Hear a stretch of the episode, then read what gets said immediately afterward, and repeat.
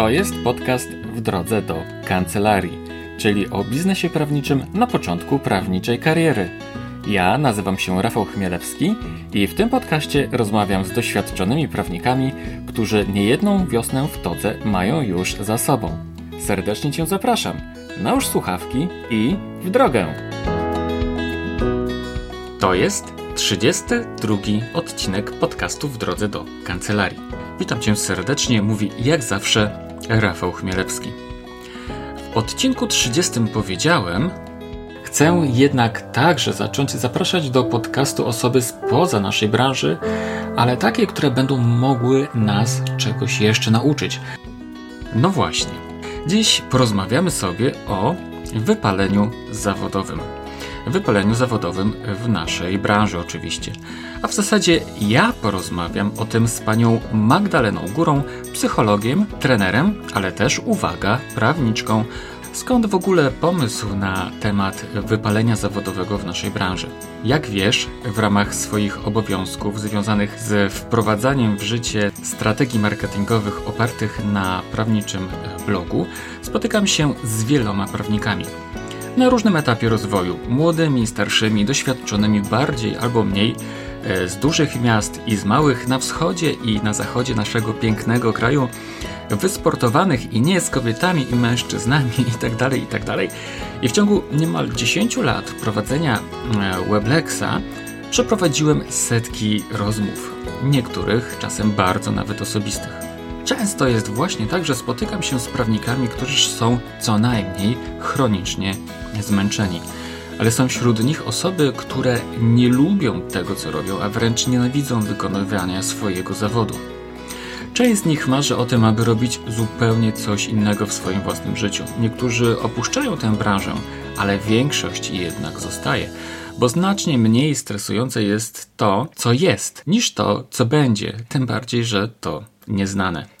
W ten sposób koło zniechęcenia zaczyna się toczyć i pętla się zaciska. To jest oczywiście bardzo niebezpieczne, gdyż przecież praca prawnika polega często na tym, aby decydować o życiu drugiego człowieka, broniąc go czy w inny sposób reprezentując jego interesy. A jak można swoje obowiązki realizować najlepiej, jak to możliwe, skoro nawet nie chce się rano przyjść do biura, odebrać telefonu czy otworzyć komputera? Warunki prowadzenia działalności prawniczej uległy ostatnio dramatycznej zmianie. Kilka lat wystarczyło, aby konkurencja, a za nią wszelkie wolnorynkowe problemy urosła, urosły, urosła o kilkaset procent. Wcale się nie dziwię, że mogło się to odbić na samopoczuciu i podejściu do swoich obowiązków wielu, wielu prawników. Kiedy założyłem Weblex 9 lat temu, to sytuacja w naszej branży przecież wyglądała kompletnie inaczej. I to jest zmiana, która bez wątpienia pociągnęła za sobą wiele różnego rodzaju i problemów, e, i wyzwań. I e, być może nawet warto zaryzykować stwierdzenie, że jest to sytuacja, która jest niepowtarzalna w żadnej innej branży. No, te wszystkie okoliczności mogą i bez wątpienia prowadzą do właśnie wypalenia zawodowego. Domniemuję, że sytuacja ta nie będzie się poprawiać, a raczej obecny kierunek będzie niestety utrzymany.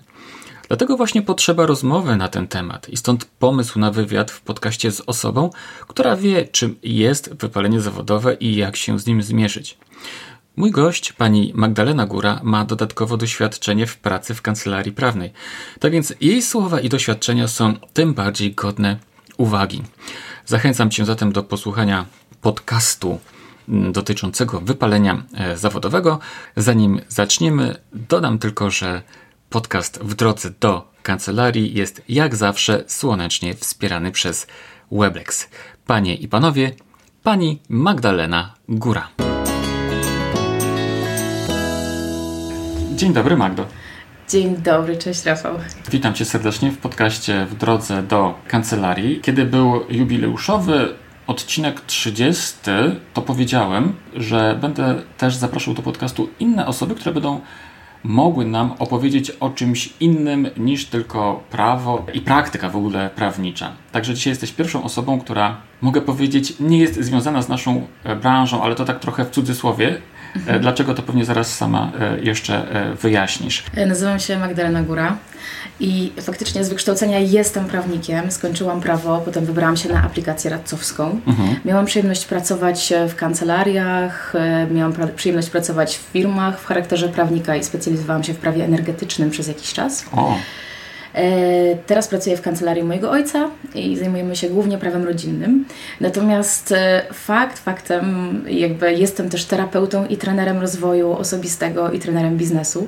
Mhm. I gdzieś w tym kierunku idzie moje życie zawodowe. Mhm. Ja bardzo lubię się poddawać nurtom życia, mhm. więc cały czas z tym nurtem płynę i się okazało, że gdzieś bardziej w tamtym kierunku moje życie e, daje mi tam zlecenia, daje mi tam pieniądze, więc ja temu się poddaję i coraz bardziej mam wrażenie, że jednak jestem trenerem, ale też mam taką artystyczną część osobowości. Miałam przyjemność, w sumie mam przyjemność od 10 lat pracować w Teatrze Stu w Krakowie e, w charakterze aktorki, tak. ponieważ jestem dyplomowaną tancerką z kolei, Aha. więc moje życie, to moja doba ma więcej niż 24 godziny, realizuję w niej swoje, swoją pracę, pasję e, i, i wszelkie mm, jeszcze inne rzeczy, moje życie Aha. prywatne przy okazji Aha. też z tym łączę.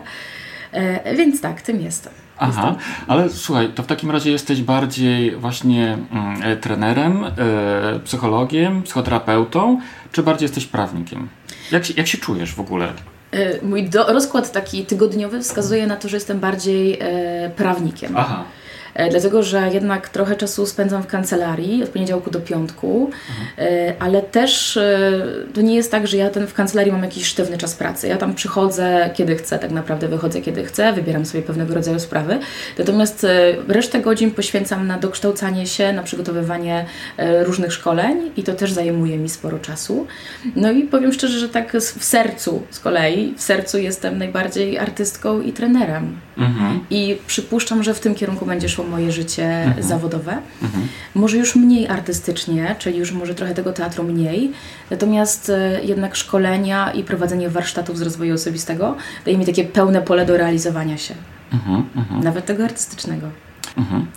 Wszystkim e, swoim gościom zadaję jedno pytanie, znaczy no więcej pytań, tak? Ale jedno jest takie stałe. Kawa czy herbata? Powiem Ci tak, żeby dać dobry przykład, to wezmę herbatę.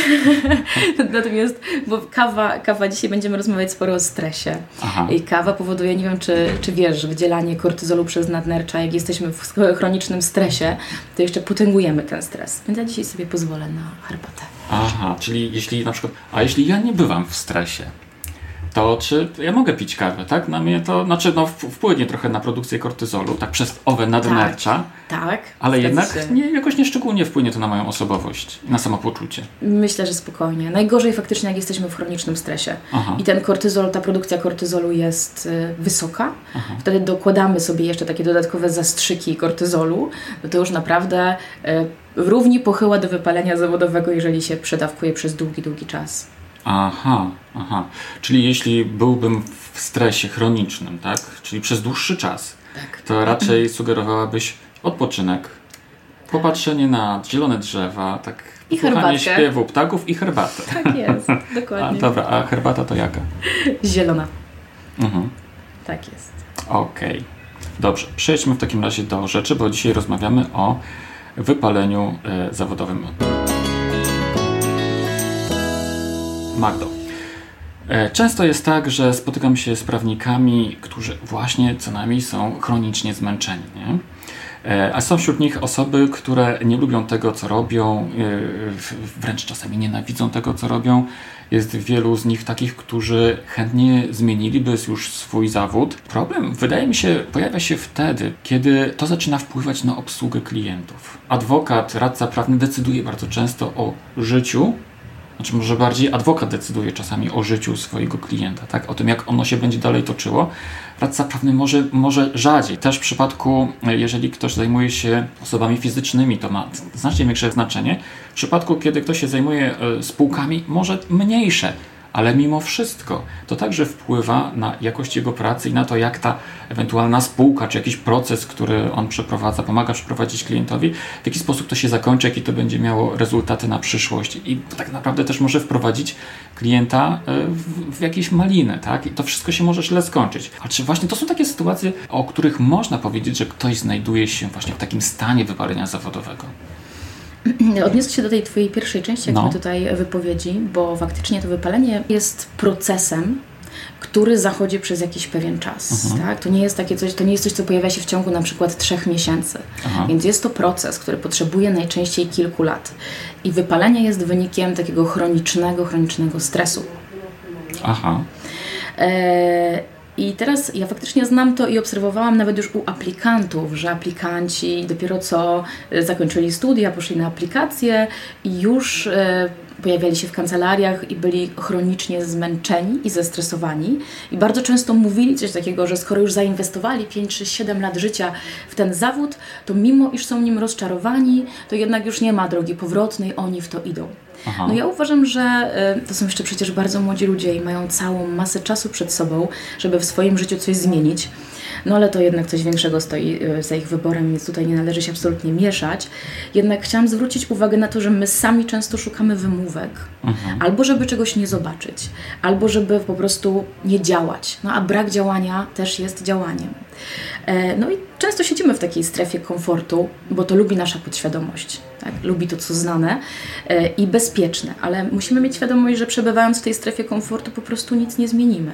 Mhm. E, więc tak konkludując, ten cały dramat rozgrywa się w naszej i tylko naszej głowie. Mhm. Tak? Jego przyczyną są często nasze własne przekonania i myśli, które powodują gdzieś tam bierność i ten brak działania. Masz rację, że, że to jest tak, że bardzo często tkwimy w tych swoich starych wyborach, nie chcemy niczego zmienić, ponieważ czujemy się z tym mimo wszystko dobrze, bo wszystko, co jest poza tym naszym wyborem, jest nieznane, a więc jest stresujące. Tak jest. No nie? I nawet, nawet, nawet gdyby to miała być decyzja na lepsze, to ona także jest stresująca. Każda decyzja, każda w ogóle zmiana bardzo często nam się kojarzy mm, z czymś, co jest wielką niewiadomą. Jak sobie nawet napiszemy takie zdanie, zmiana dla mnie to, wypiszemy je kilkanaście razy przez kilka dni z rzędu, to okaże się, że my gdzieś wewnątrz siebie się tej zmiany bardzo boimy. Mhm. I decydujemy się często właśnie, żeby pozostać na danym stanowisku. Poza tym mamy często taki zespół wyobrażeń, które towarzyszą temu zawodowi prawniczemu, że musimy na przykład e, otworzyć kancelarię prawną. No i dążymy do pewnych celów, które sobie założyliśmy gdzieś tam dawno temu, zamiast te cele po prostu zrewidować. Mhm. No i tutaj tak jest. Ja też miałam jakieś takie wewnętrzne rozczarowanie z powodu wykonywania tego zawodu prawniczego, bo ja sobie też tak, nie tak to wyobrażałam. Tak. Zwłaszcza patrząc na, no na mojego ojca, który też też e, odnosi sukcesy i napisał parę książek e, a propos e, prawniczych, tak? No więc wyobrażam sobie to zupełnie inaczej. Przeżyłam rozczarowanie i miałam wybór. Albo pozostać w tym miejscu i dalej w to brnąć, co już prowadzi do wypalenia zawodowego, bo potem się okazuje, że ten stres, sam stres, który wynika z tego, że my nie osiągamy tych założonych celów, mhm. to, jest, to jest potężny stres, którego często jesteśmy nieświadomi. Albo druga opcja, którą ja wybrałam, po prostu przyglądać się sobie, mhm. E, podnosić swoją świadomość, e, rewidować te cele, no i powiedzieć sobie, ok, wymagania rynku pracy dzisiaj są zupełnie inne niż na przykład 20 lat temu czy 40 lat temu, gdzie e, w czasach komunizmu pewnie każdy mógł mieć pracę, jak tylko chciał. Natomiast ja zdecydowałam, że ja to do tych, do tych wymagań rynku się po prostu dopasuję, więc to też jest nasz wybór.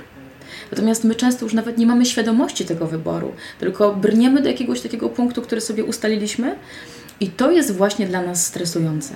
Mhm. I to wypalenie zawodowe, to też już teraz tak nawiązując, co to jest? Tak jak powiedziałam, to jest proces, ale ten proces jest bardzo podstępny, dlatego że. Yy, nie ma żadnych konkretnych objawów wypalenia zawodowego, które pozwalają jednoznacznie to wypalenie zdiagnozować. Mhm. Czyli nie, jest lista, natomiast nigdy nie jest tak, że wypełnienie pięciu z dziesięciu to już jest wypalenie zawodowe. To są bardzo indywidualne objawy. Podstępny proces, ponieważ on się zaczyna praktycznie niezauważenie, a jego y, źródłem jest właśnie stres, i ten stres jest często nazywany takim cichym zabójcą, bo nawet nie wiadomo do ilu zgonów prowadzi stres. No bo wiadomo, że stres prowadzi do zawałów serca, wylewów i tak dalej. Więc my często e, nawet nie wiemy, jak, nie ma żadnych badań, które pokazują e, skutki tego chronicznego stresu i tym bardziej wypalenia zawodowego. Natomiast e, mm, wypalenie zawodowe bardzo często jest określane, i tutaj to jest dla mnie też również ciekawe, jako takie poczucie bycia w pułapce. Aha. E, w pułapce, którą my sami sobie wykreowaliśmy, w pułapce swoich oczekiwań e, i które okazały się w sumie niemożliwe do spełnienia, a my przez długi czas próbowaliśmy je zrealizować. I te mhm. próby realizacji były obarczone jakimś takim staraniem, generowały kolejne porażki, a my w tym e, miejscu już, w tej pułapce, już wiemy, że tak naprawdę donikąd nie zajdziemy. Mhm. I jakby tutaj te wszystkie syndromy, o których jeszcze powiem, e, wypalenia zawodowego, bo tam są konkretne trzy fazy tego wypalenia, one sprowadzają się do tego, że mamy takie poczucie bycia złapanym w pułapkę. Mhm. I najciekawsze jest to, że my sami jesteśmy autorami e, tej pułapki. Aha, ale wiesz co, to jest właśnie ciekawe, bo też zwróciłaś e, moją uwagę na pewną rzecz, że w momencie, kiedy podejmujemy decyzję, że chcemy iść chcemy zostać prawnikiem, tak? To bardzo są, to są często czasy licealne, tak? E, idziesz na studia, studia trwają 5 lat, 5 lat, 5 lat, e, potem idziesz na aplikację, która trwa również kilka lat, i nagle się okazuje, że od momentu podjęcia decyzji do momentu, kiedy kończysz aplikację, mija niemalże 10 lat, kiedy w dzisiejszych czasach 10 lat to jest zupełnie e, ta, ta sytuacja na rynku może wyglądać kompletnie inaczej. I być może, kiedy podejmowałem tą decyzję o studiach prawniczych, to miało sens, miało ręce i nogi, a i, i wyobrażam sobie to zupełnie inaczej niż wtedy, kiedy ja tą aplikację kończę nie? i muszę rozpocząć e, życie zawodowe, które jest bardzo trudne w, w, dzisiejszych czasach, bo konkurencja, która jest coraz e, bardziej ostra i tak dalej, i tak dalej. Nie? Więc e, tak, no, rzeczywiście to jest. okoliczności nie są sprzyjające. Nie są. Mimo wszystko. I trzeba, żeby być, mimo wszystko, tak mi się wydaje, odważnym, żeby jednak po pierwsze uczciwym, żeby spojrzeć na siebie, dokonać pewnej analizy siebie samego, e, tego, co ja chcę w życiu zrobić, tego, co ja chcę osiągnąć, tego, kim ja chcę tak naprawdę być i też odważnym, żeby dokonywać jednak tych zmian. Dobra. E, powiedz mi, e, czy są jakieś takie osoby, które są bardziej podatne na wypalenie zawodowe? E, wiesz co, powiem Ci tak jeszcze, bardzo no. zaciekawiło mnie to, co powiedziałaś, tak. bo tam wpadły mi takie dwie rzeczy, które, które myślę, że warto, żeby powiedzieć. A propos konkurencji na rynku prawniczym, no, no. bo my tak bardzo boimy się tej konkurencji. Ja mam takie swoje przemyślenia na ten temat i też obserwacje, że, że bardzo często zupełnie niesłusznie i że my sami się też wkręcamy w to, że ta konkurencja jest tak wielka. Ona jest i to jest fakt. Natomiast y, często spotykam się z taką sytuacją, że już mm, radca prawny, który ma wielkie doświadczenie, tam 30-letnie, nagle za rogiem otwiera się kan kancelaria młodego radcy prawnego czy adwokata i ten jest gotów napisać pozew trzy razy taniej niż tak. ten radca prawny. Co robi ten radca prawny z doświadczeniem? On często obniża swoje ceny swoich usług. I uważam, że to jest duży błąd, że my mhm. w ten sposób robimy sobie po prostu krzywdę, mhm. ale sami, na swoją własną prośbę, bo jest bardzo dużo ludzi, którzy chcą zapłacić za dobrego radcę prawnego z doświadczeniem, ale ten tak bardzo przejmuje się konkurencją, że on nie ceni swojego czasu pracy. I tutaj ten problem jest duży. Jest. Ta satysfakcja z wykonywania usług prawniczych spada, dlatego że ci, którzy na tym rynku są już wiele lat, też się wypalają bardzo szybko, bo nagle się okazuje, że ich usługi są tak tanie, że, mhm. że oni nie mają z czego żyć. Tak? Opłacenie kancelarii, opłacenie pracowników i tak, tak naprawdę zostają im jakieś grosze. Mhm. Więc tutaj też jakby apeluję o taki wgląd w siebie, żeby mhm. sprawdzić, ile ja naprawdę chcę dostać za moją pracę i nie rozglądać się tak bacznie dookoła, bo mhm. to jest też kolejna pułapka. Mhm. Rozglądanie się i takie wkręcanie się, mhm. że konkurencja jest i konkurencja nie śpi. I druga rzecz też ważna, którą też chcę powiedzieć, właśnie, że my bardzo często nie jesteśmy świadomi tego, może ja też to jest mój przykład, więc jest mi bliski mojemu sercu, ale przypuszczam, że wielu prawników się z tym, z tym zidentyfikuje, że gdzieś były względem nas pewnego rodzaju oczekiwania, kiedy, kiedy byliśmy dziećmi, żebyśmy na przykład zajmowali jakieś wysokie stanowisko, czy wybrali konkretnie zawód prawniczy. Aha. A w naszej duszy gra coś zupełnie innego. No mhm. i na przykład właśnie ta moja artystyczna strona, no kompletnie nie współgra nieraz z tym twardym, prawniczym światem, o którym powiedziałeś słusznie. Mamy ogromną odpowiedzialność i ogromny stres. Mhm. I teraz, no, co się wydarzyło w moim przypadku? Gdzieś podświadomie tak naprawdę między Bogiem, Bogiem a prawdą, ale skończyłam te studia dla mojego taty. Aha. I wielu z nas tak zrobiło. Ja mam tą świadomość, że tak się stało w moim przypadku, natomiast wielu z nas nie będzie miało. I to, co my będziemy robić w swoim zawodzie, nie będzie prawdą o nas samych. Mhm. Często będzie niezgodne z naszymi wartościami, często nie będziemy widzieli w tym sensu, ale dalej w to brniemy. Mhm. I tutaj kolejny apel o samoświadomość i mhm. przyglądanie się sobie. Być może ja w ogóle nie jestem w swojej własnej historii. Mhm. I o tym się tak w, na szkoleniach z wypalenia zawodowego nie mówi, bo tam się znajduje te konkretne czynniki, e, etapy, fazy wypalenia i tak dalej. Ale prawda jest taka, że jeżeli nie jesteśmy w swojej własnej historii, jeżeli nie sprawdzamy, czy my naprawdę kochamy to i czy to jest zgodne z nami, a być może e, robimy to po prostu dla kogoś, tak jak mniej więcej ja przez, przez kilka lat i nie mogłam się w tym odnaleźć. Mhm. No I to jest taki syndrom, że ani z tej strony, ani z tej strony nie mogę tego ugryźć, to należy się nad tym zastanowić. Mhm. A to są, wiesz co, to są piękne słowa o tej historii, tak? Że nie jestem w swojej własnej historii. Tak. Ja mam do tego inną analogię, ja mówię o, o, swoich własnych torach, po, którym, po których jadę, tak? Ale ta właśnie historia to jest chyba bardziej takie, nie wiem, bardziej romantyczne, bardziej do, mnie, bardziej do mnie trafia. Wiesz co, powiem Ci, że e, tak jak Ci wspominałem wcześniej, ja pracowałem w KPMG w dziale podatków międzynarodowych i wiesz co, i, i praca w podatkach zawsze była moim marzeniem. Zawsze. Od początku, no może nie od początku studiów, ale od drugiego roku studiów, to było, to było moje marzenie, żeby pracować właśnie e, z podatkami, w szczególności międzynarodowymi. Marzenie mi się udało spełnić. Uważam, że każde marzenie, e, e, no poza może, nie wiem, czymś, co jest absolutnie niemożliwe, da się spełnić, nie? Ale kiedy trafiłem do tego KPMG, ja się nie mogłem tam odnaleźć. Interesowanie się podatkami, napisanie pracy magisterskiej, a praca w tych podatkach to są zupełnie dwie różne rzeczy. I dopiero po tym, jak założyłem Weblexa, jak zacząłem się zastanawiać nad sobą, jaki ja zespół muszę zbudować, tak, który będzie uzupełniał moje wady, to poszedłem na badanie osobowości i tam się właśnie okazało, że ja po prostu byłem, mówiąc Twoimi słowami, nie w swojej historii zupełnie. I mhm. dlatego po prostu e, nie mogłem tam żyć, nie mogłem tam wytrzymać w tej korporacji i dlatego musiałem stamtąd odejść. I gdybym dzisiaj, do dzisiaj tam siedział, bym był pewnie bardzo nieszczęśliwy, a być może byłbym właśnie już dawno wypalony zawodowo i nie wiem, może bym był jakimś naukowcem. Więc badanie osobowości tutaj dało mi pewien, właśnie pewną taką wgląd w siebie i, i, i jednak potwierdzenie tego, że ta historia nie była moja. Teraz jest moja za to. Na szczęście. Co widać. I twoja. Ty jesteś też, mam wrażenie, w takiej swojej własnej historii. Tak Dobrze. E, Magdo, e, czy są jakieś takie cechy osobowości, które predestynują pewne osoby do tego, aby częściej niż inne być wypalonymi zawodowo, czy czuć się wypalonymi zawodowo? Może podzielę to na takie dwa typy osobowości psychologiczne. Mamy taką osobowość typologiczną, e, psychologiczną typu A i typu B. Ta no. osobowość typu A to jest e, często zaangażuje się e, w stałą walkę o zdobycie wielu rzeczy w jak najkrótszym czasie, ale też jest taka energiczna i pozytywna. Natomiast tą osobowość cechuje przede wszystkim ambicja. Mhm. Osobowość typu okay. B jest trochę przeciwieństwem typu A, ona się nie śpieszy, doznaje łatwo satysfakcję, łagodna jest, podaje, poddaje się łatwo prądowi życia, yy, ma takie duże umiejętności odprężania się i relaksacji. Więc tutaj z tych dwóch typów osobowość A jest znacznie bardziej podatna na wypalenie zawodowe, mhm. jako że często stawia sobie pewnego rodzaju cele, o których już mówiliśmy, okay. i one są po prostu nierealne do spełnienia, mhm. e, co powoduje stres.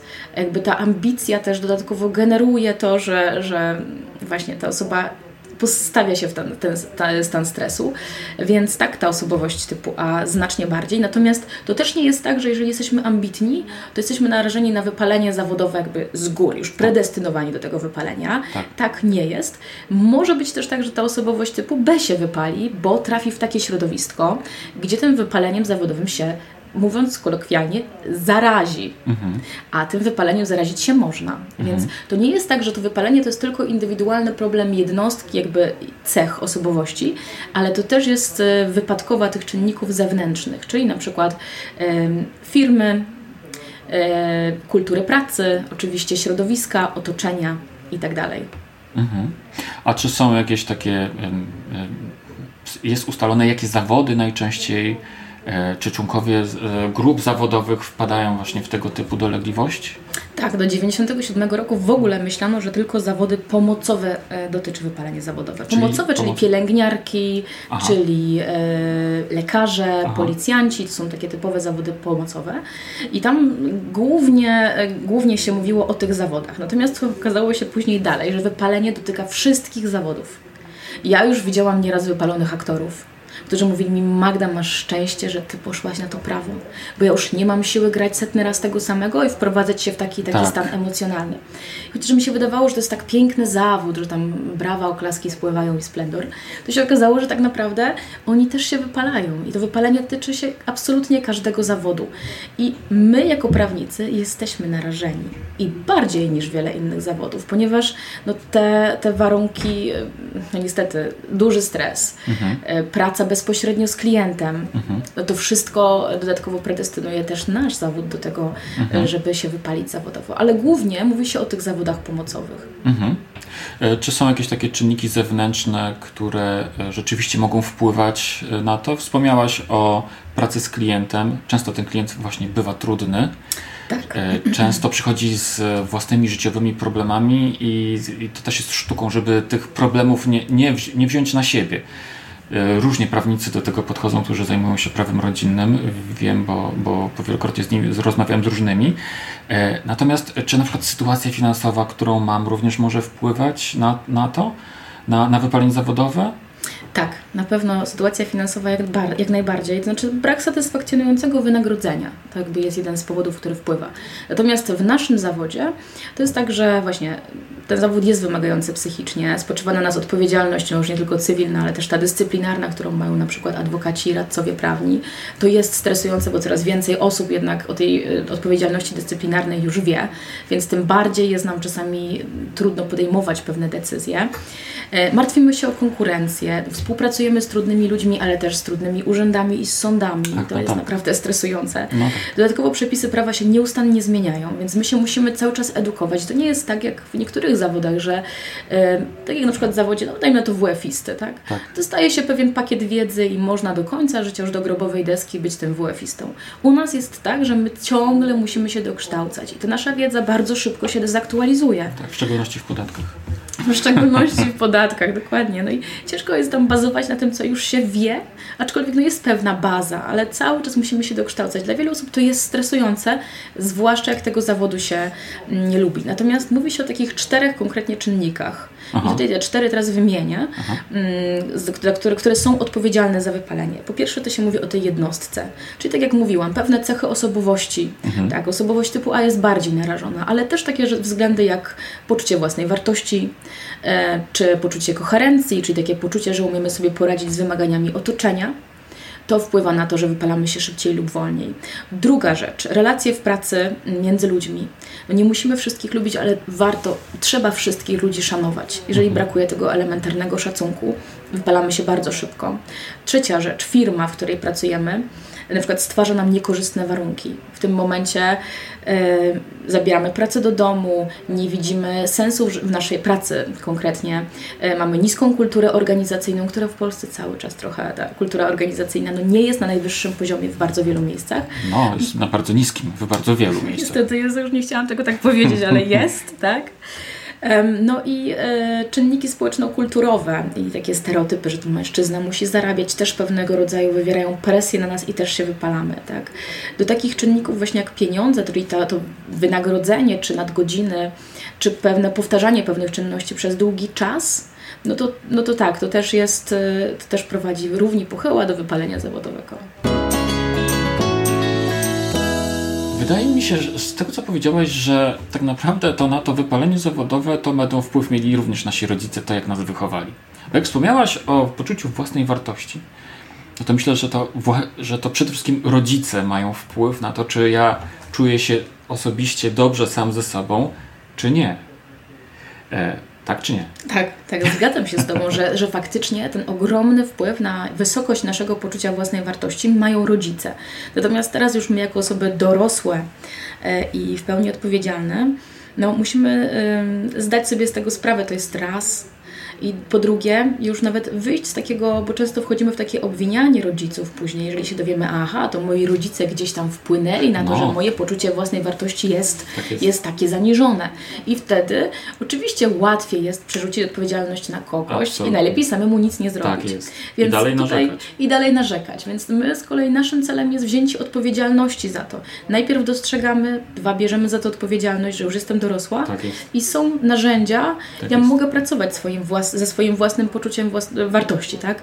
Są warsztaty, są książki. Tak z poczuciem własnej wartości łączy się bezpośrednio asertywność. Im wyższa asertywność, tym wyższe poczucie własnej wartości i odwrotnie, jedno wpływa na drugie.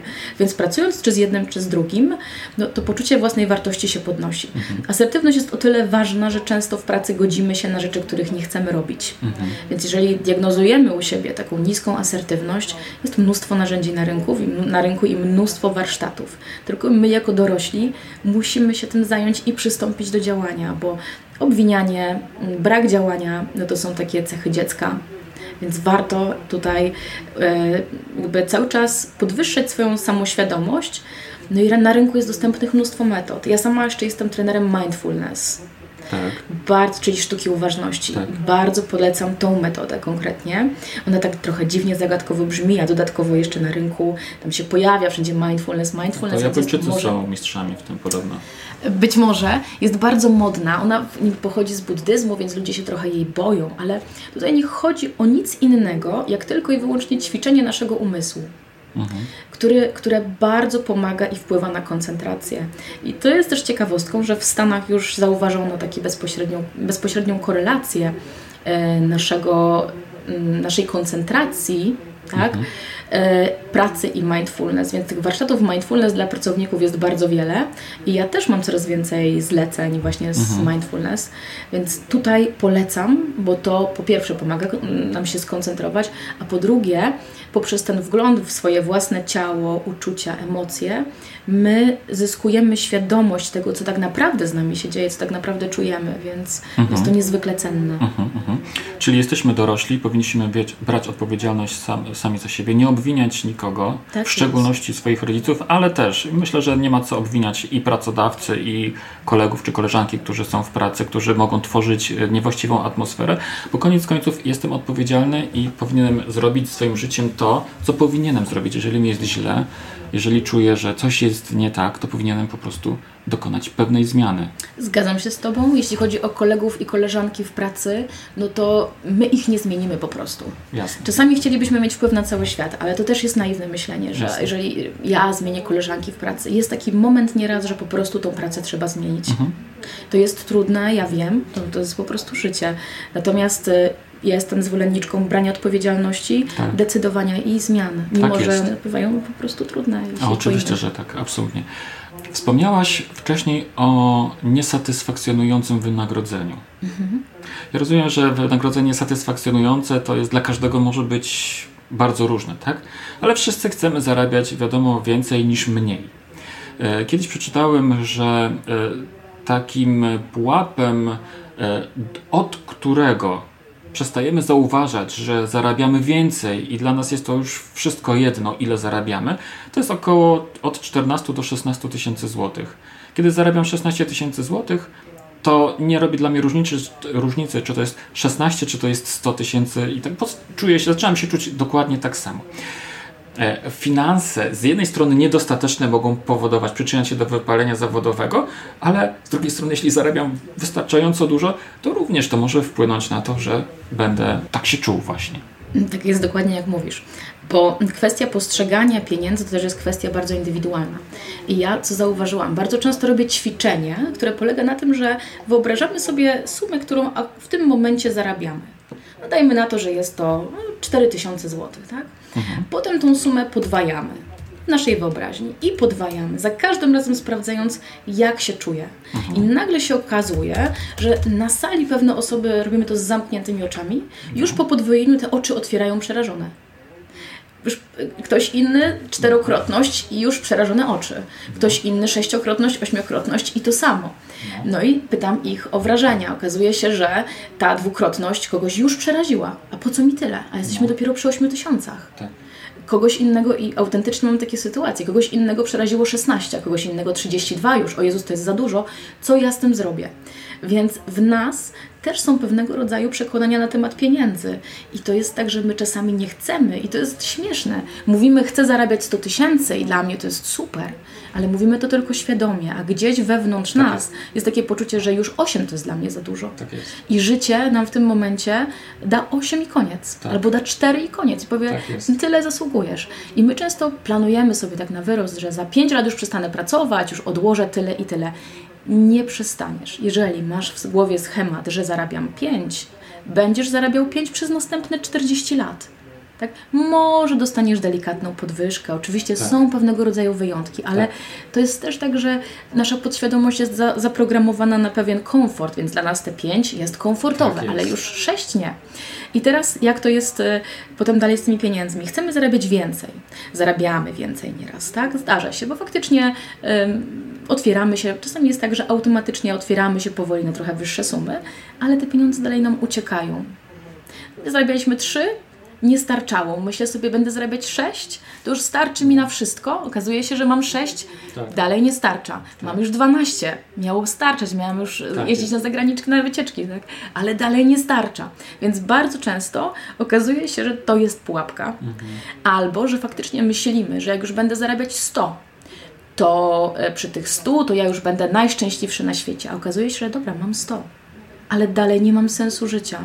I to jest taki szklany sufit, z którym ja się często spotykałam e, w gabinecie terapeutycznym. Przychodziły osoby już tak około 50, 60, różny wiek, często mężczyźni i mówili: Mam wszystko, mam dzieci, samochód, rodzinę, wszystko, co sobie zaplanowałam, ale dalej nie mam sensu życia. Tak nie wiem, po co tu jestem. Tak. Więc to nie jest tak, że automatycznie te pieniądze, one będą się przekładać na to, że my się nie wypalimy.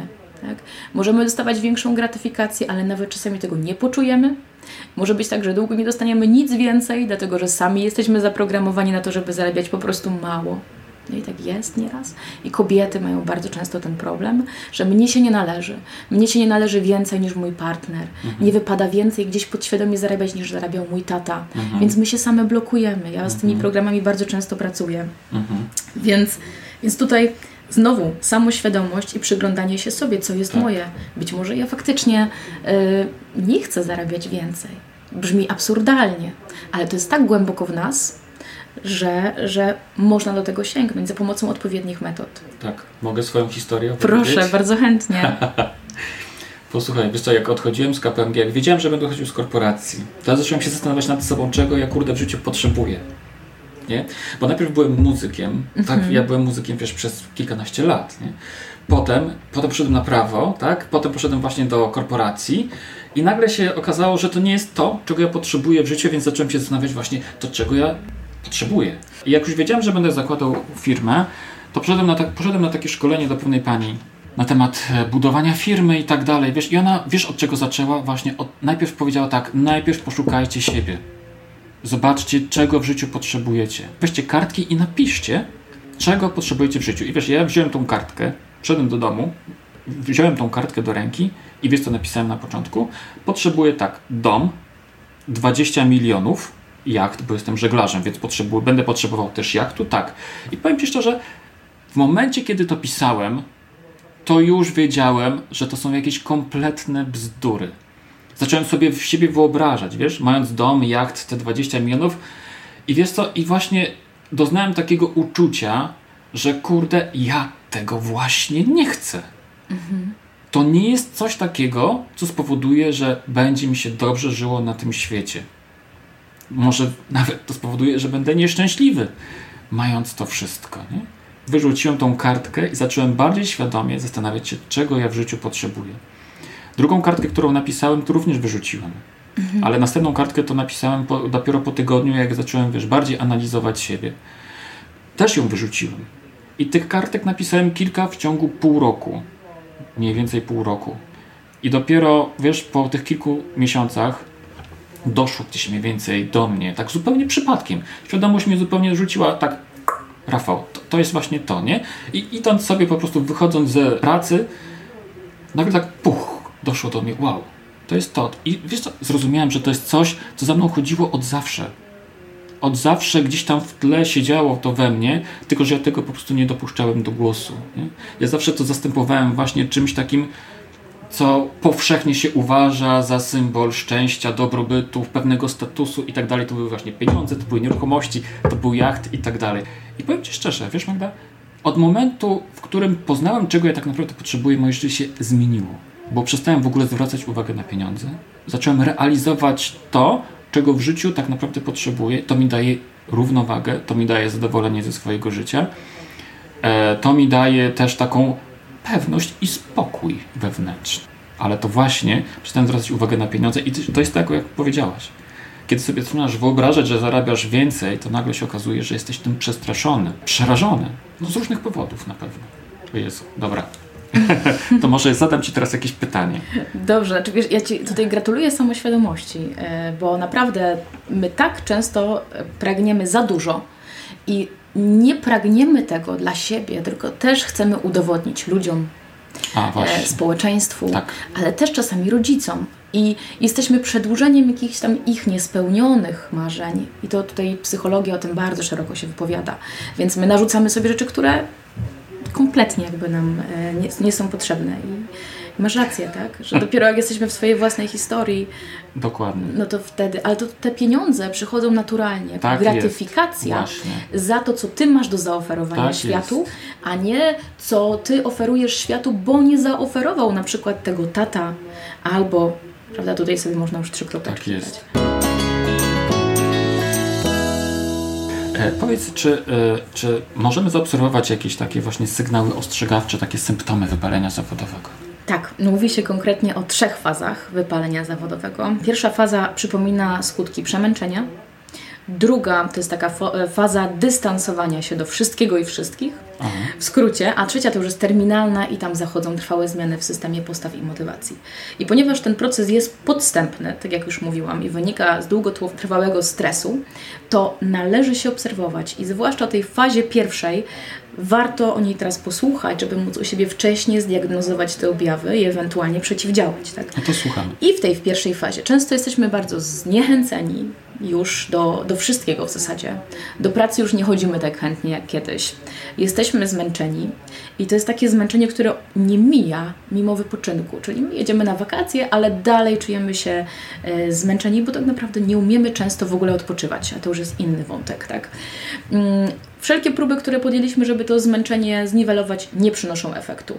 Jesteśmy mniej zorganizowani, czyli y, zabieramy już pracę do domu, już tak chętnie nie pracujemy, robimy coraz więcej przerw na kawę, a coraz, bar- coraz częściej też łatwiej nam o infekcje, wchodzą w grę już L4, pojawiają się pewne bóle, pojawiają się problemy w relacjach i to jest też takie istotne. Mamy mniejszą odporność na sytuacje i więcej rzeczy w ludziach nas denerwuje e, co ma przedłużenie potem w kolejnej fazie i takie bardzo wyraźne i przestają nas cieszyć rzeczy, które nas wcześniej cieszyły. Tak powoli też czujemy, że już jakoś nie jesteśmy sobą i otoczenie powoli też już to dostrzega. Teraz pojawia się druga faza i ta faza to jest takie dystansowanie się, o którym już powiedziałam. Uciekamy przed ludźmi. Oni już tak nie jesteśmy za bardzo miłym towarzystwem dla nich. Jest takie odhumanizowanie relacji z innymi. Jesteśmy agresywni. Często potrafimy z byle drobiazgu zrobić awanturę. Izolujemy się i to też tak, że w pracy nie mówimy o życiu osobistym, a w domu nie mówimy o pracy. E, Wycofujemy się. To już są coraz dłuższe przerwy, coraz dłuższe zwolnienia lekarskie. Irytują nas dzieci, partner, e, nie mamy siły, pojawia się zniechęcenie do wszystkiego. I w tej fazie często już taka konieczna jest interwencja mm, terapeuty, na przykład psychologa. Tak? Tutaj jeszcze może nie ma e, potrzeby wizyty u psychiatry, to będzie taka trzecia faza powiedzmy. I jeszcze tak wracając do pierwszej, e, jak można to pomóc sobie, to przede wszystkim relacje z innymi. I tutaj będziemy w tej pierwszej fazie często mogli poprzez relacje z innymi, poszukiwanie pasji, mm, jakby wychodzić z tej fazy pierwszej. W drugiej już będzie nam potrzebny ktoś, najpewniej właśnie terapeuta, coach, no chyba, że poradzimy sobie sami, no to też oczywiście można. I trzecia faza to jest to stadium chroniczne, czyli taka już faza wypalenia. No i tu mogą okazać się konieczne leki. Nastrój w tej trzeciej fazie wypalenia jest obniżony, tam też często uciekamy już w chorobę, hazard, alkohol, Aha. lub inne używki. Tu już ucieczka w pracy i pojawiają się pewnego rodzaju takie nietypowe zachowania, które wcale dla nas nie były charakterystyczne. Uciekamy się do ekstremów, nagle chcemy się wspinać. Mimo wszystko, że takie poszukiwanie ryzykownych zachowań się pojawia gdzieś w nas. E, I to jest takie przeżywanie spektakularne tej fazy trzeciej. Tak. tak. Natomiast oczywiście też można ją przeżywać po cichutku, mhm. na przykład cierpiąc e, w swoim własnym domowym zaciszu w sposób mieszany. Trochę pocierpię w domu, a trochę będę zażywać ekstremów, szukać mhm. mocnych wrażeń, używek. Więc ta trzecia faza jest taka y, już dosyć wyraźna. I co chcę tutaj powiedzieć, bo to jest bardzo ważne, że e, na rynku polskim e, wypalenie zawodowe nie jest traktowane jako choroba, czyli nie ma swojego numerka. Mhm. To jest o tyle ważne, że mamy niewielu specjalistów, którzy się tym zajmują. A w Skandynawii na przykład jest to jednostka chorobowa i tam można z powodu wypalenia pójść na L4. Aha. I nikt się tego nie wstydzi. U nas dalej to uważa się, że to jest problem jednostki, a nie organizacji. To jest błędne. I dalej okay. jest tak, że idziemy do psychiatry, a ten psychiatra diagnozuje co? Depresję. I przepisuje Aha. leki na depresję, ponieważ objawy wypalenia zawodowego i depresji są bardzo podobne i trudno je nieraz odróżnić. Okay. Dlatego warto tutaj, w przypadku kiedy diagnozujemy już tą fazę trzecią, u siebie, to zgłosić się do osoby, która naprawdę zajmuje się tym wypaleniem zawodowym. Jakiegoś psychiatry, mhm. tak? albo psychologa, który odróżnia depresję od wypalenia zawodowego. Mhm. Słuchaj, ale to jest tak, że bardzo często, znaczy tak myślę, z reguły to jest tak, że uciekamy się właśnie w takie różne ekstrema, o których mówiłaś, ale nie mamy takiej, y, nie jesteśmy świadomi tego, że to, że właśnie jesteśmy w stanie wypalenia zawodowego. Tak, powod, Dobrze myślę? Wiesz, powodów uciekania w ekstrema może być dużo. No. Nie zawsze to jest wypalenie zawodowe, więc to też wiadomo, to, to, ten, to wypalenie to jest zespół objawów i to trzeba diagnozować jako całość. E, natomiast samego, samych uciekania się do ekstremów może być bardzo wiele. Też to mogą być jakieś niesatysfakcjonujące relacje osobiste, więc to może być tylko jedna z, okay. jedno z o, jeden z objawów tego wypalenia zawodowego. Okej. Okay. Wiadomo, że lepiej zapobiegać niż leczyć. E, jak zatem przeciwdziałać wypaleniu zawodowemu i co zrobić, jak już się pojawi? Pierwszej kolejności, tak jak mówiłam, rozwijamy samoświadomość. Mhm. Czyli jakby warto przyglądać się sobie, ewentualnie podejmować inwestycje w rozwój osobisty. Mogą to być szkolenia, książki, mindfulness, o którym wspomniałam. Yy, może ktoś próbować jogi, bo ona też daje wgląd w siebie, w swoje ciało. Chodzi o to, żeby wyjść z tego autopilota, na którym często jedziemy, bo często jest tak, że po prostu załączamy autopilot i wstaję, jem, idę praca, wracam, śpię, czy telewizor i tak cały tydzień. Już nie mówiąc o tym, że wypoczywać też nie potrafimy. Więc tutaj chodzi o to, żeby wyłączyć tego autopilota i naprawdę nauczyć się obserwować siebie, swoje ciało, swoje emocje. To jest pierwsza rzecz. Druga rzecz, myślę, że porzucenie takiego perfekcjonizmu i kontroli, ono też będzie wynikało z tego pierwszego, ale yy, i co tutaj też ciekawe, a propos dlaczego mówię o kontroli, bo to poczucie kontroli bardzo często powoduje, że my nie delegujemy zadań w kancelarii. Przez to jesteśmy przemęczeni, przez to jesteśmy wypaleni. A jest taka zasada, którą ja bardzo lubię. Jeżeli ktoś w 70% potrafi coś zrobić tak samo dobrze jak ty, deleguj Mhm. A my często nie delegujemy, bo ja zrobię najlepiej, bo ja jestem perfekcyjna, ja potrzebuję kontroli. Więc tutaj kolejny apel: deleguj, mhm. podnoś samoświadomość, obserwuj siebie, zobacz, czy przypadkiem nie za bardzo kontrolujesz. Być może ktoś w stanie jest to zrobić też całkiem nieźle. Po co mhm. ten pozew ma być aż tak perfekcyjny? Tak? Mhm. Deleguj. Dalej, znaleźć sobie hobby znaleźć sobie hobby. Wiele osób nie ma hobby. Ja bardzo no, często oczywiście. prowadzę szkolenia też dla firm, y, gdzie mówią mi, Pani Magdo, celem jest to, żeby nasi pracownicy znaleźli sobie hobby. Poszukać w sobie wewnętrznie. To może być coś, co robiliśmy robić jako dziecko. To może być coś zupełnie innego, ale to jest bardzo ważne, żeby jednak rozwijać coś swojego. Dalej, to higieniczne życie, to dbanie o siebie fizycznie i psychicznie, dobre jedzenie mhm. przede wszystkim, sporty, bardzo ważne. Robienie sobie badań. To też jest ważne, sprawdzanie, czy już na przykład nie ma jakichś stanów zapalnych w ciele. No, ciało bardzo wyraźnie daje pewnego rodzaju sygnały, kręgosłup. Mhm. Więc jeżeli mamy jakieś sygnały z ciała, to nie bagatelizujmy tego. Mhm. Nie może być tak, że praca ponad wszystko. I tutaj jest ważne, żeby dbać o relacje też i budować bardzo silną tą drugą nogę, czyli życie prywatne. Bo y, też spotykam się z takim stwierdzeniem, że nie ma czegoś takiego jak work-life balance ale kompletnie się z tym nie zgadzam. My musimy stać twardo na dwóch nogach. Jedna życie zawodowe, a druga życie prywatne. Bo jeżeli ta, to życie zawodowe ono nam się wywróci, a może tak być, przecież to się w każdej chwili może stać, to my nie mamy drugiej nogi. W momencie, kiedy stoimy na dwóch nogach stabilnie, to to życie prywatne zawsze jest w stanie nas z tego w jakiś sposób wyciągnąć. Ono jest nieocenione, a praca jest zmienialna. Mhm. Kolejna rzecz, urlop. E, nie spędzać urlopu na załatwianiu zaległych spraw, tylko naprawdę odpoczywać i nauczyć się, jak odpoczywać, bo to też jest umiejętność. To nie chodzi o to, my często się śmieję nieraz na szkoleniach, ale odpoczywamy w ten sposób, że e, jedziemy na wyjazd i chcemy zobaczyć jak najwięcej. Już ten plan na wyjazd jest tak nasycony, no. że my z tego wyjazdu wracamy bardziej zmęczeni niż wypoczęci.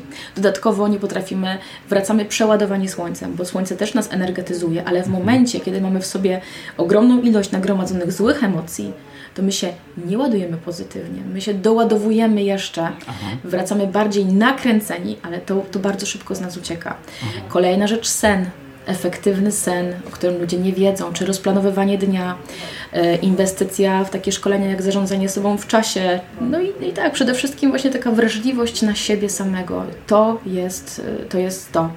Jeżeli już się pojawi, to tak jak powiedziałam, w pierwszej kolejności wsparcie bliskich osób, w drugiej fazie na niektórych etapach coach, psycholog, terapeuta. Tak? Potem psychiatra i tutaj, tak jak mówiłam, często wypalenie jest mylone z depresją, więc z dużą ostrożnością. Mhm. E, jak przeciwdziałać utracie zasobów energetycznych? Właśnie, to jest bardzo ciekawy temat, bo zasoby człowieka energetyczne są dwa rodzaje. Jedne to są zasoby, które są odnawialne, więc odnawiamy je poprzez sen, regenerację, nie pić alkoholu, one się wtedy odnawiają. Natomiast drugie zasoby, i o tych zwłaszcza chcę powiedzieć, są nieodnawialne. W momencie, kiedy my je utracimy, no, po prostu ciekawe. tracimy je bezpowrotnie. One prowadzą do śmierci, prowadzą do poważnych schorzeń. I takim bardzo ważnym sygnałem utraty tych zasobów są duże kryzysy zdrowotne, czyli zawał.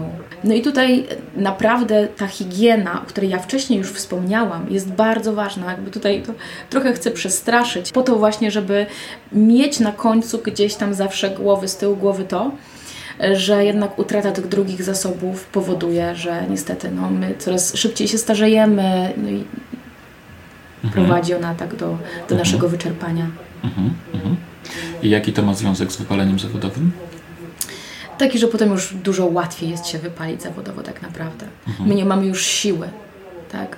No dużo więcej siły ma człowiek, który jest młody, yy, nawet ma więcej siły do stawiania swojego biznesu, do wychowywania dzieci, do budowania rodziny. Mhm. Przychodzi taki moment, kiedy już w wieku 50-60 lat no to życie zawodowe w jakiś sposób powinno być rozhulane, no a potem przychodzi emerytura i powoli takie wygaszanie na tym rynku zawodowym i to jest naturalny proces. Natomiast u nas często nie jest. U nas często jesteśmy już tak zmęczeni w wieku na przykład 40 lat, już stany przedzawołowe albo nawet zawały, że potem nie ma się siły na to, żeby budować rodzinę, sporty. Trzeba bardzo dużo energii wsadzić, żeby, żeby jeszcze gdzieś tam te swoje zasoby Aha. Mm, wykorzystywać. Więc to też, to też powoduje, że my coraz szybciej się wypalamy. A jak, jak właśnie tracimy taką energię, o której wspomniałaś? Mhm. Poprzez stres ale też poprzez przebywanie w toksycznych środowiskach. Często jest tak, no nie mówi się bez przyczyny o takich wampirach energetycznych, ale są takie osoby, które ciągną od nas tą energię. One się żywią właśnie najczęściej tą, tą energią, tą życiodajną, taką, mhm. którą my potrzebujemy, bo sami ludzie jej nie mają, więc, e, więc to są zjawiska, które, które powodują, że my po prostu tą energię tracimy. Nie mając tej świadomości, i radca prawny też się musi chronić, czy adwokat. Tak samo jak terapeuta, ponieważ e, my dajemy bardzo wiele naszym klientom nieraz. Tak też powiedzieć bardzo ważną rzecz, że e, my bardzo pomagamy, a zwłaszcza w prawie rodzinnym nie umiemy się nie angażować. Tak. A no tutaj zwłaszcza ten problem dotyczy terapeutów, którzy się wypala, wypalają momentalnie mhm. i mają takie wrażenie bardzo szybko, że ja już tym klientom nie jestem w stanie nic więcej dać. I taki prawnik, który się angażuje za bardzo, czyli za bardzo się tym tak naprawdę my musimy, mamy kodeks etyki, tak? I radcowie, i adwokaci tutaj. I my jesteśmy zobowiązani do starannego działania, tak? Należytej staranności. W zasadzie kropka.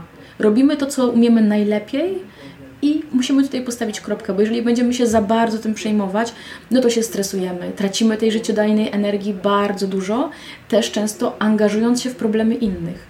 I tutaj to tracenie energii to nie jest takie tracenie energii na przykład w sporcie. To jest oddawanie najczęściej tej energii innym ludziom. Mhm. Zajmowanie się ich problemami, wchodzenie w ich problemy, przeżywanie.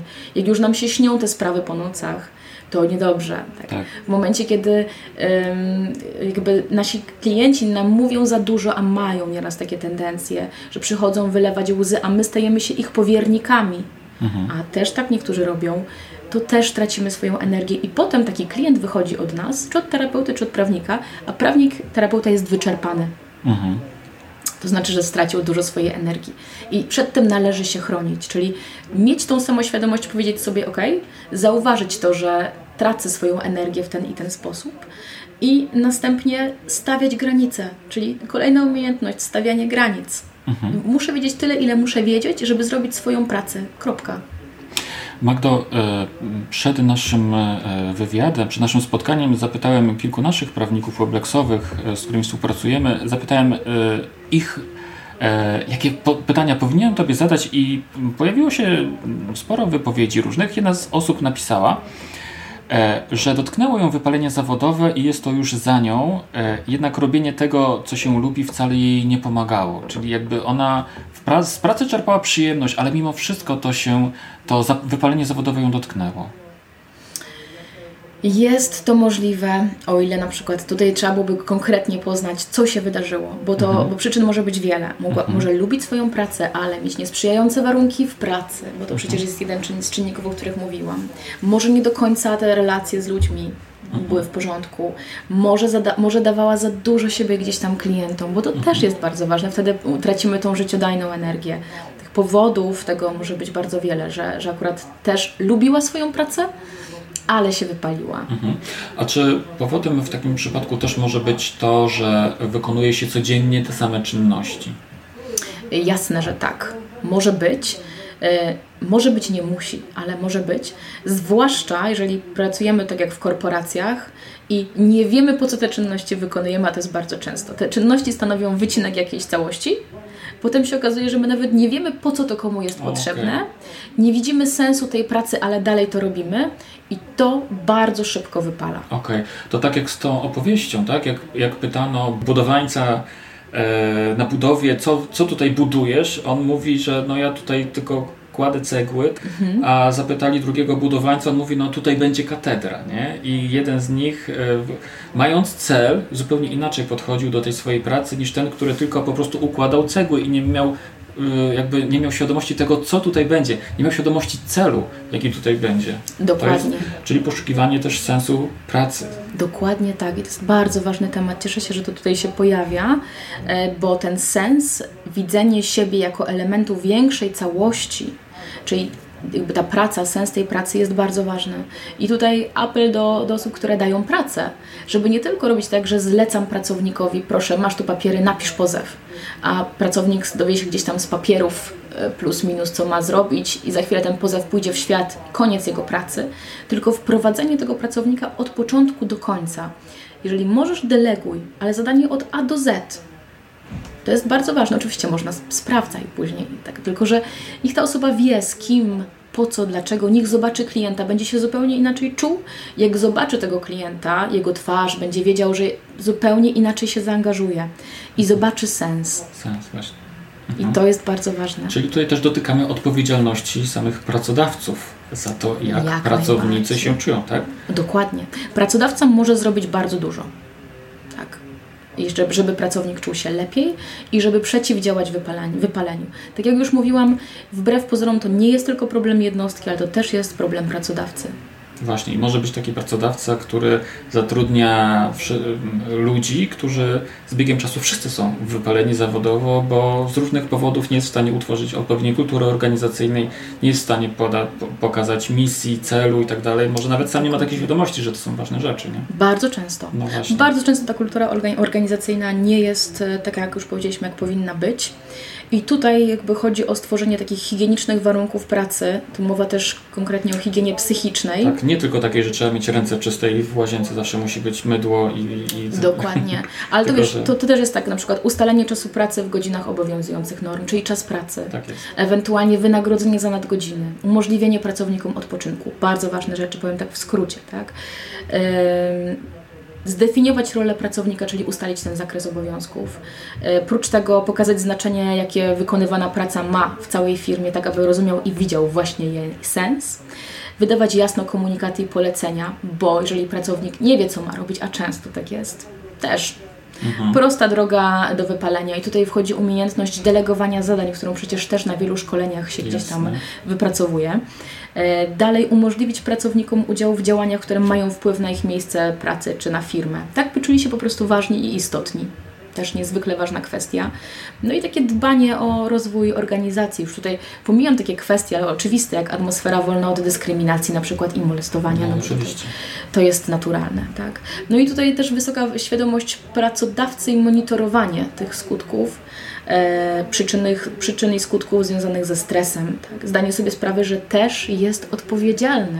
To nie jest kwestia tylko i wyłącznie jednostki i jej cech, o których tak jak mówiliśmy na początku, tylko jest e, kwestia również e, pracodawcy. Mm.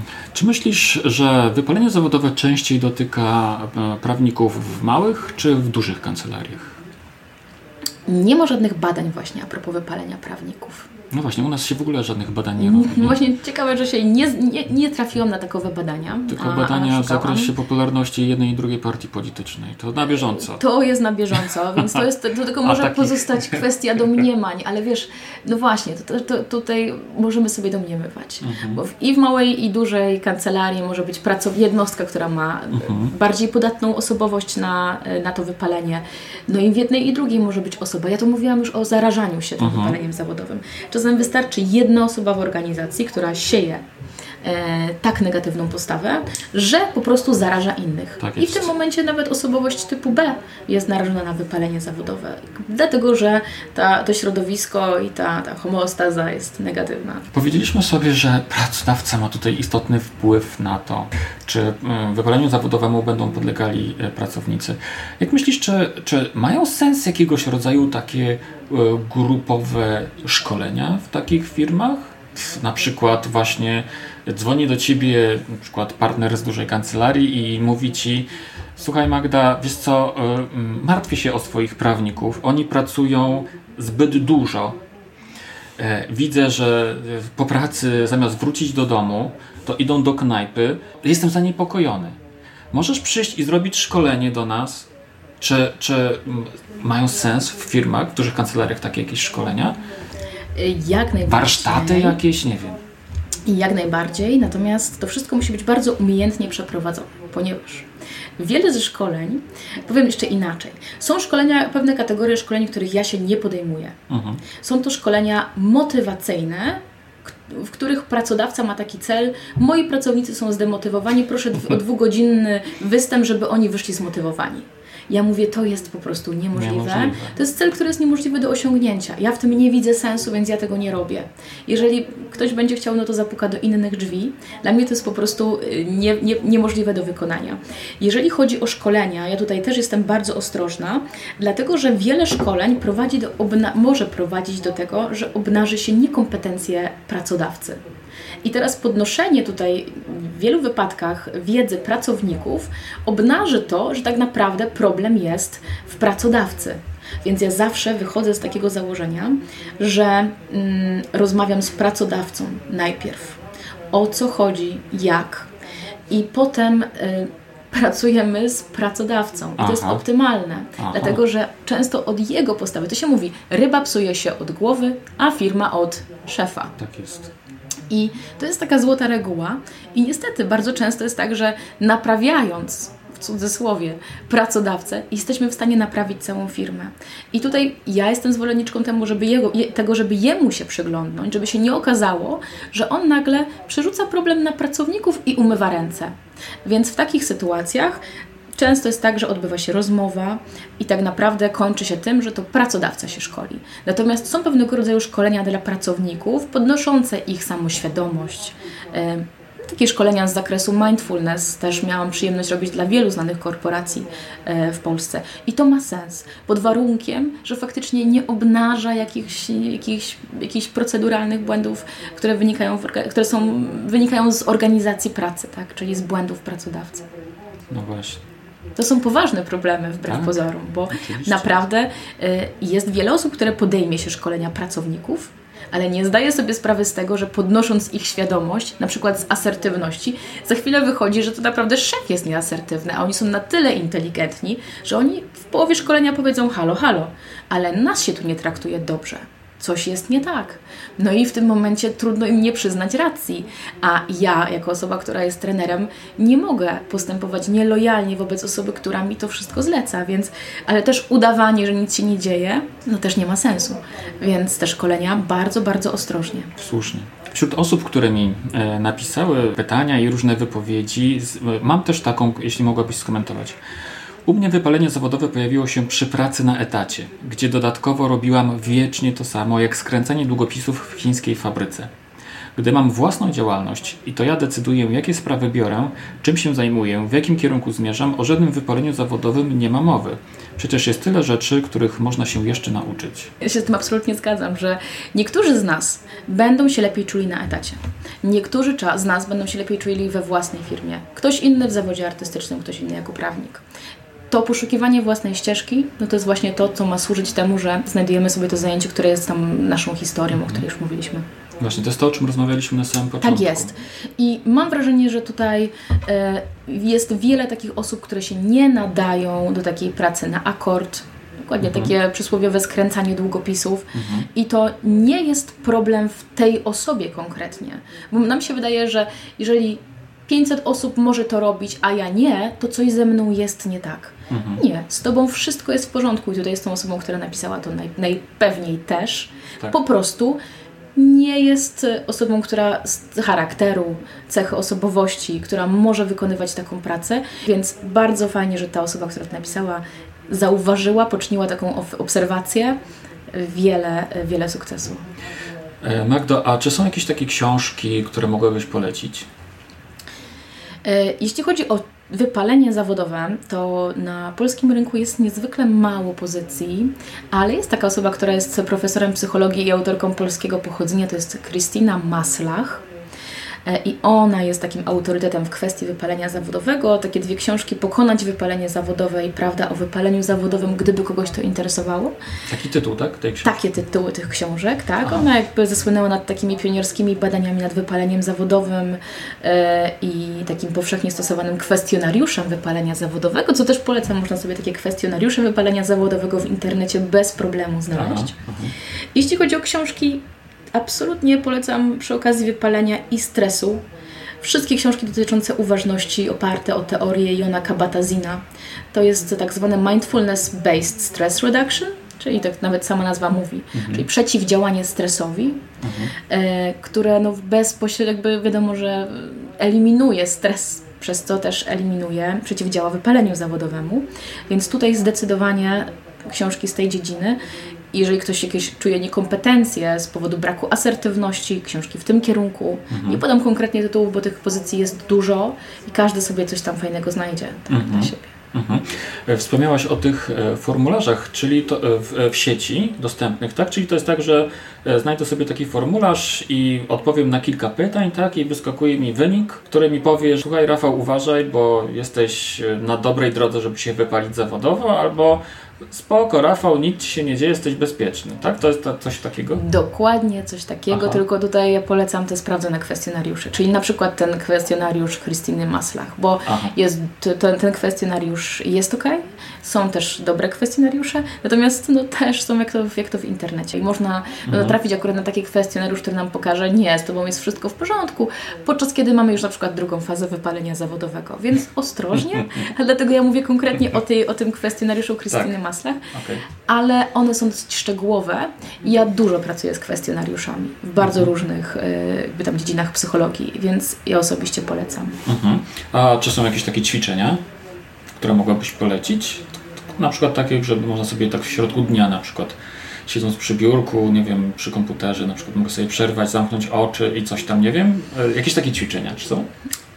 Czy ja mogę coś polecić? Mm, no, żeby coś polecić, to, to trzeba byłoby trochę zrobić takiego małego wprowadzenia w tą, w tą kwestię uważności. Bo co to jest uważność, czyli tak? to mindfulness? To jest takie skoncentrowanie się na tu i teraz.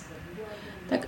Ja to polecam, jak się jedzie w korku, bo niestety często w korku nie mamy wyjścia z sytuacji. Po prostu w tym korku utknęliśmy. Mamy też dwie opcje. Albo się denerwować w korku, że ja w tym momencie w nim jadę i podkręcać sobie jeszcze poziom no, zdenerwowania i stresu. W pracy właśnie też mogę mieć wrażenie, że utknąłem w tym korku, no ale Dokładnie no. tak, więc dlatego proponuję ćwiczyć się w korku. Tak. Można sobie podkręcać ten poziom, albo można po prostu stwierdzić, halo, ja nie mam na to wpływu. To jest świetne ćwiczenie. Nie masz na to wpływu, że stoisz w tym korku, po prostu stoisz w korku. No, nic nie zmienisz. Możesz oczywiście wykonać parę telefonów, powiedzieć, że się spóźnisz, jeżeli to ci poprawi tak, samopoczucie.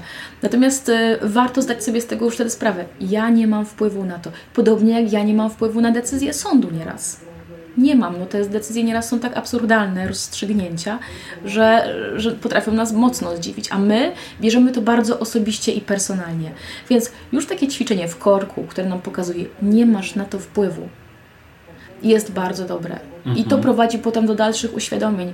Być może nie mam wpływu na decyzję sądu, no bo nie mam, ale my myślimy inaczej, tym bardziej, że rozstrzygamy to jakoś tak ambicjonalnie. Tak, moja wina, bardzo często nie. Bardzo często zrobiłeś, zrobiłaś wszystko, co było w Twojej mocy, dołożyłaś jej należytej staranności, a sąd rozstrzygnął tak, jak mhm. rozstrzygnął. Więc takie ćwiczenia. Plus takie ćwiczenia zrzucania przed snem y, pewnych rzeczy z głowy. Czyli na przykład Aha. mamy notatnik, y, i przed snem zapisujemy sobie wszystko, co mamy do zrobienia na przykład następnego dnia, Mhm. I to jest ważne, dlatego że to poprawia nam jakość snu mhm. i wtedy nie śnią nam się te wszystkie rozprawy i trudne rzeczy. Więc mhm. takie może na początek mhm. dwa ćwiczenia. To tak podsumowując, powiedz, jak nie dopuścić do wypalenia zawodowego? Po pierwsze, higiena. Higiena psychiczna i higiena fizyczna, podnoszenie swojej świadomości i takie patrzenie na siebie, patrzenie, patrzenie i jeszcze raz patrzenie. To jest dla mnie, moim zdaniem, najlepsza wskazówka. Tak? Obserwowanie siebie i obserwowanie środowiska. Jeżeli widzimy, że w naszym środowisku też coś jest nie tak, to musimy reagować i zdać sobie sprawę z tego, że jakby nie, nic nie robiąc, też działamy. Tak więc mhm. E, ja polecam e, wglądy w siebie, e, obserwację środowiska i ewentualne podejmowanie działań. Bierność mhm. nie pomaga. Mhm. Dobrze. Rozumiem, że pomagasz osobom również takim, które dotyka wypalenie zawodowe.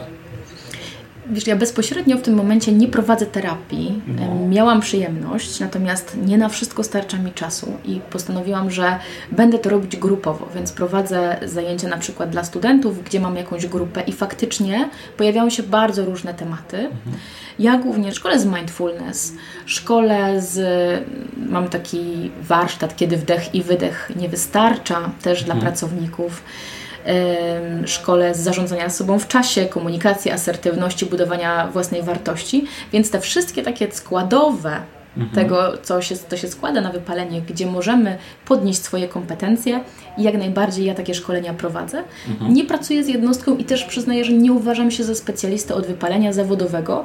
Są osoby, które poświęciły całe swoje życie temu tematowi. Mhm. Tutaj duży ukłon w ich stronę. Ja, jeżeli ktoś jest bardziej zainteresowany, to ja absolutnie odsyłam właśnie mhm. do tego źródła. Ja natomiast działam w takich obszarach i dostaję bardzo konkretne zlecenia. Na mhm. przykład warsztat ze sztuki uważności dla pracowników. I wtedy ja się podejmuję tego i pracuję z grupami głównie. Tam w ramach grupy pracujemy z jednostkami, jeżeli ktoś chce, bo oczywiście ja nigdy nie namawiam na pracę i jeżeli ktoś uważa, że jej nie potrzebuje, to mhm. zawsze przyjmuję, że wie lepiej niż ja. Mhm. A jak się z Tobą skontaktować najlepiej? Jeśli chodzi o szkolenia, to współpracuję z firmą, którą bardzo, bardzo cenię. To jest Life Architect z Poznania mhm. i robimy fantastyczne szkolenia razem. E, doskonale nam się współpracuje i takich wiele biznesowych szkoleń z tych tematów już mieliśmy przyjemność przeprowadzić. No ja zakładam swoją działalność w tym momencie y, mhm. i buduję swoją stronę internetową, więc pewnie też na, y, gdzieś niebawem w sieci na Facebooku mhm. łatwo będzie mnie znaleźć. Mhm. Ale ja rozumiem w takim razie, że jeśli ktoś wpisuje w Google Magdalena Góra, to znajdzie Ciebie, Twój profil na LinkedIn, czy w jakiś inny na sposób tak. znajdzie do Ciebie kontakt. Powiedz, jakie masz plany na przyszłość? Takim długoterminowym celem dla mnie jest y, założenie swojej firmy szkoleniowej i prowadzenie szkoleń właśnie biznesowych i z rozwoju osobistego z tematów, o których tutaj powiedzieliśmy, bo one są mi niezwykle bliskie, ale też z takim naciskiem na szkolenie kobiet bo widzę, że jest bardzo duże zapotrzebowanie na rynku na szkolenie właśnie kobiet. Kobiet prawniczek? kobiet i prawniczek, i kobiet nieprawniczek, bo jakby trafiają do mnie kobiety, które z racji tego, że zajmuję się teraz prawem rodzinnym, bardzo często są w trudnej sytuacji po rozwodzie i postanowiłam jakby wyjść naprzeciw ich oczekiwaniom i właśnie powoli pokazywać im, jak się odnaleźć na nowo, jak e, znaleźć swoje poczucie własnej wartości. To poczucie własnej wartości po rozwodzie, zwłaszcza kiedy często zostawił je mąż, mają bardzo, bardzo obniżone. Więc ta praca z kobietami to jest coś, w czym ja widzę sens i coś, co mnie cieszy, coś, co jest dla mnie bardzo ważne. Więc to będzie taka to może trochę moja misja na przyszłość. Mhm. Praca z kobietami. A? Mhm. a to, co robię w tym momencie, czyli szkolenia, jak najbardziej będę kontynuować. Dalej praca w kancelarii. Nie jestem przekonana, na ile przy tym, co robię, będę w stanie się temu poświęcić jeszcze, no ale, ale być może akurat uda mi się jedno i drugie połączyć. Magdo, bardzo serdecznie dziękuję Ci za pasjonującą rozmowę. Bardzo dziękuję, było mi bardzo miło. Dziękuję. Dzięki.